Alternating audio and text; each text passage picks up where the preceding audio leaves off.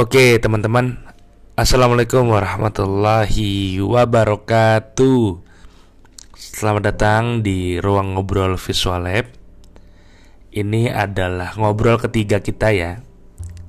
Gimana kabarnya? Sehat semua ya teman-teman? Nah semoga wabah pandemi ini segera pergi dari Indonesia Dan kita bisa eh, jalan-jalan lagi Bisa ke mall, bisa uh, hidup dengan enak lagi lah ya dengan normal lagi. Oke. Okay. episode ketiga ngebahas tentang nekat. Saya pribadi tipikal orang yang cukup nekat untuk memulai usaha. Terhitung dari 2014 sampai saat ini uh, belum ada satupun usaha saya yang mengeluarkan kocek besar lah. Intinya ya paling di bawah 5 juta malah seringnya. Baru eh, apa namanya dulu kan saya usahanya eh, beberapa gitu ya sekarang juga fokusnya di visual lab. Nah bicara nekat kenapa saya nekat ya? Kenapa saya nekat? Karena kalau nggak nekat saya nggak mulai-mulai. Dan nanti malah jadi semacam uh, apa ya semacam numpuk aja gitu di pikiran saya. Itu nggak enak banget sih. Saya cerita untuk visual lab. Visual lab itu awal berdiri tahun lalu itu saya nekat saya ngajak teman saya ya uh, via telepon kita ngobrol saya kasih tahu apa keluhan saya apa keresahan saya kemudian dia juga saya ajak berbisnis yuk mau nggak kita bikin usaha gitu usaha berdua? Nah kebetulan beliau itu memang partner saya ini memang beliau adalah uh, profesional graphic designer ya, jago banget orangnya. Dia juga sering bikin beberapa kartun gitu ya segala macam saya ajak dia mau kemudian oke okay lah kita mulai. Nah saya ingat banget ya satu bulan pertama visual lab itu belum ada nama. Jadi kita tuh nggak punya nama sama sekali di satu bulan ya. Satu bulan di awal kita nggak punya nama. Kemudian akhirnya di bulan kedua akhirnya punya nama yaitu Visual Lab sampai sekarang di bulan ke 9 ya yang ingin saya bilang gini nekat itu menurut saya sesuatu yang uh, bisa dilakukan dengan catatan kalau kita punya menguasai ilmunya karena apa? Karena orang yang menguasai ilmunya aja masih ada salah. Apalagi yang tidak menguasai ilmu biasanya makin salah. Misalnya e, contohnya saya pengen usaha trading gitu ya trading. Oke e, teman saya usaha trading. Wah profit gede. Saya ikutan nih. Saya narok misalnya sekitar 3 juta rupiah. Lah kok profit saya nggak sebesar teman saya? Karena apa? Karena saya baru mulai dan saya belum punya ilmunya yang cukup memadai untuk di hal trading. Sama hal dengan di usaha yang lain, kita kuasai dulu ilmunya, kemudian kita nekat aja. Nah, karena eh, salah satu kelemahan orang yang eh, apa namanya yang sudah paham ilmunya, yaitu dia kebanyakan nunda, kebanyakan nunda, kebanyakan perhitungan, ya kebanyakan kalkulasi lah. Yang mana perhitungan dan kalkulasi juga belum, tentu terjadi, ya. Saking banyaknya perhitungan nanti lama-lama tidak jadi. Jadi kayak uh, misalnya pengen usaha di awal banyak banget uh, plan banyak banget plannya banyak banget perhitungan segala macam. Jadi kayak yang waduh takut rugi nih takut bangkrut nih takut nggak laku nih takut sepi nih segala macam. Akhirnya tidak jadi. Padahal Uh, jika kita ingin nekat gitu ya, saya ingat pesannya Mas Jaya Budi kalau saya tidak salah, uh, ketakutan itu hanya sebatas melangkah. Jika kita sudah melangkah, ya udah ketakutan itu di belakang kita gitu. Paham maksudnya ya? Nah, jadi kita kalau nekat uh, kita pikirkan sekarang aja. Masalah nanti ya nanti aja gitu. Masa iya masalah nanti dipikirkan sekarang kan juga nambah-nambah beban pikiran kan. Nah, saya juga pernah dengar Nadiem Makarim Nadiem Makarim pas awal memulai Gojek dia itu nekat aja dan dia tidak punya planning Gojek itu mau diapain ke depannya mau gimana segala macam. Dia tidak punya planning akan ada GoFood, GoPay, GoBox, GoMassage dan segala macam. Gak ada. Nah, hal-hal tadi ya kayak GoFood, uh, habis itu GoBox, GoMassage segala macam itu ada ketika Nadiem Makarim sudah melangkah. Yang dipikirkan sama Nadiem Makarim cuma satu, yaitu dia bikin solusi atas ojek online. Ya, dia pengen ojek itu buy online dan harganya itu flat. Intinya harganya tidak ditembak lah gitu. Cuma itu saja. Nadiem Makarim gak ada tuh kepikiran GoPay, nggak ada kepikiran yang namanya GoFood gitu, antar makanan online itu nggak ada. Itu ketika sudah jalan. Nah, bahkan GoPay itu setahu saya ya yang saya dengar eh, apa namanya jumlah transaksinya di GoPay ya jumlah transaksi harian di GoPay itu sama dengan jumlah transaksi beberapa bank di Indonesia kalau digabungin jadi satu ya. Jadi eh, jumlah transaksi di GoPay itu sama dengan jumlah transaksi 6 bank kalau saya tidak salah 6 bank jadi satu. Nah, itu sama dengan GoPay. Nah, berarti kan besar banget ya. 6 bank dijadiin satu baru bisa ngalahin GoPay. Nah, seperti itu teman-teman. Terus saya juga pernah uh, dengar quotes-nya dari Mark Zuckerberg ya.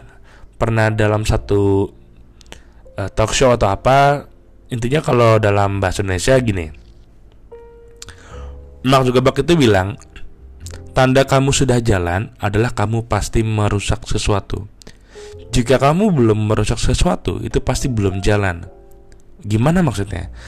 Maksudnya gini, Mark Zuckerberg waktu memulai Facebook itu sudah pasti yang namanya ada bugs, error, yang namanya tampilan jelek, yang namanya uh, stres segala macam itu pasti ada.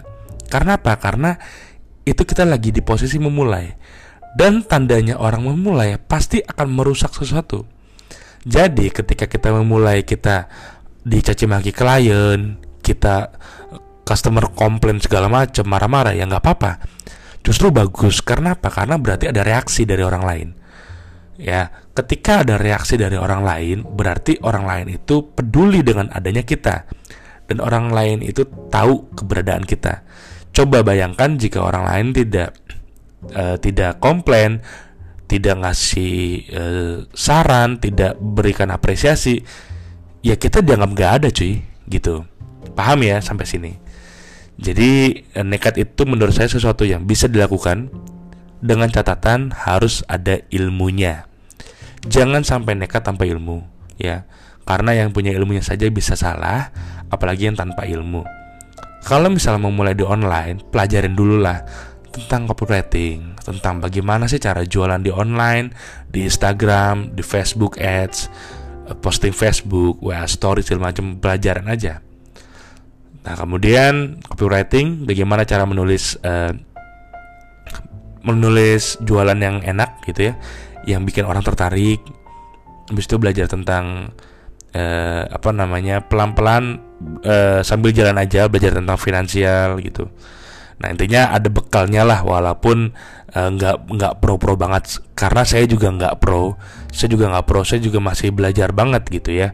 Uh, karena masih belajar jadi ya saya seadanya aja seadanya ilmu sambil nanti ketika saya ada bingung tinggal ikut kelas ikut seminar atau bahkan saya nanya ke teman gitu ya. Lebih sering sih nanya ke teman. Nah seperti itu teman-teman. Intinya nekat jangan banyak ngitung ya karena ingat orang yang punya ilmu itu sering banget dia masuk di zona yang too much information will kill you ya. Jadi kalau semakin banyak informasi hati-hati nanti bisa ngebunuh lu. Jadi sebisa mungkin eh, jangan terlalu banyak informasi. Jadi belajar itu penting perlu. Tapi jangan semuanya dipelajarin. Jangan semuanya dilahap gitu ya yang memang kira-kira sesuai dengan kebutuhan kita aja dengan bisnis kita ya kita misalnya pengen main Instagram jualan gitu bisnis. Ya belajar tentang Instagram tentang tentang bagaimana cara jualan di Instagram. Jangan belajar trading jangan belajar gimana cara usaha offline segala macam jangan. Nah terus uh, kemudian jika misal tidak ada modal oh gue nggak ada modal nih gue pengen usaha kaos. Gampang ya tinggal lewat platform. Platform di Indonesia ada yang namanya Teespring kalau saya tidak salah. Di di luar ada yang namanya eh sorry uh, di Indonesia namanya Blast Blues ya sorry. Di Indonesia namanya Blast Blues di luar namanya Teespring ada Tizly ya dan ada yang lain. Terus uh, mikirnya gini orang-orang pada umumnya kalau misalnya pengen punya distro ya pengen pengen usaha kaos gitu berarti gue harus punya distro dulu nih. Distro sewa ruko harga sekian. Belum lagi dekor belum lagi beli uh, yang lain-lain perintilan-perintilan segala macam nah uh, sekarang udah basisnya udah online. Berpikirnya jangan seperti itu tapi berpikirnya yang penting adalah di core core uh, produknya dulu. Utamanya apa? Jualan kaos. Oke okay. apakah jualan kaos harus punya tempat? Enggak juga. Bisa buy online, bisa lewat Instagram, bisa lewat WA story aja ke teman-teman atau bahkan tawarkan ke teman-teman yang uh, satu tempat dengan kita. Teman kampus lah, teman kantor lah atau apa. Misalnya teman kampus, teman-teman di Fakultas Hukum, bikinlah kaos uh, quote yang tentang hukum yang bagus, kemudian tawarkanlah ke teman-teman di fakultas itu. Satu kelas ada 30 orang, berarti tinggal dikali aja berapa kelas. Seperti itu ya itu zero modal zero modal. Bikin kaosnya di platform PO gitu ya. Kemudian teman-teman sudah dapat uangnya dulu dari uh, customer ya. Dapat uang dari customer atau dapat uang dari sebutannya dari teman-temannya lah ya. Kalau tadi dari kampus jualannya. Kalau jualan di kampus berarti dapat uang dari teman-teman kelas atau fakultas. Habis itu tinggal di order aja ke platform lalu uh, udah tinggal tunggu barang jadi bayar segala segala macam udah kelar. Nah sesimpel itu untuk memulai usaha. Jadi jangan ada alasan lagi nih untuk uh, aduh gue takut ini takut itu takut sepi segala macam. Jangan. Ya banyak media yang bisa kita pakai untuk jualan. Ya, dan jika kita pengen jika kita mau insya Allah ada aja jalannya ya ada aja jalannya dan e, sebisa mungkin jangan terlalu cepat menyerah lah ya. E, dan ingat nekat itu juga butuh ilmu ya. Saya menyarankan untuk nekat tapi harus ada ilmunya. Terima kasih teman-teman semua. Assalamualaikum warahmatullahi wabarakatuh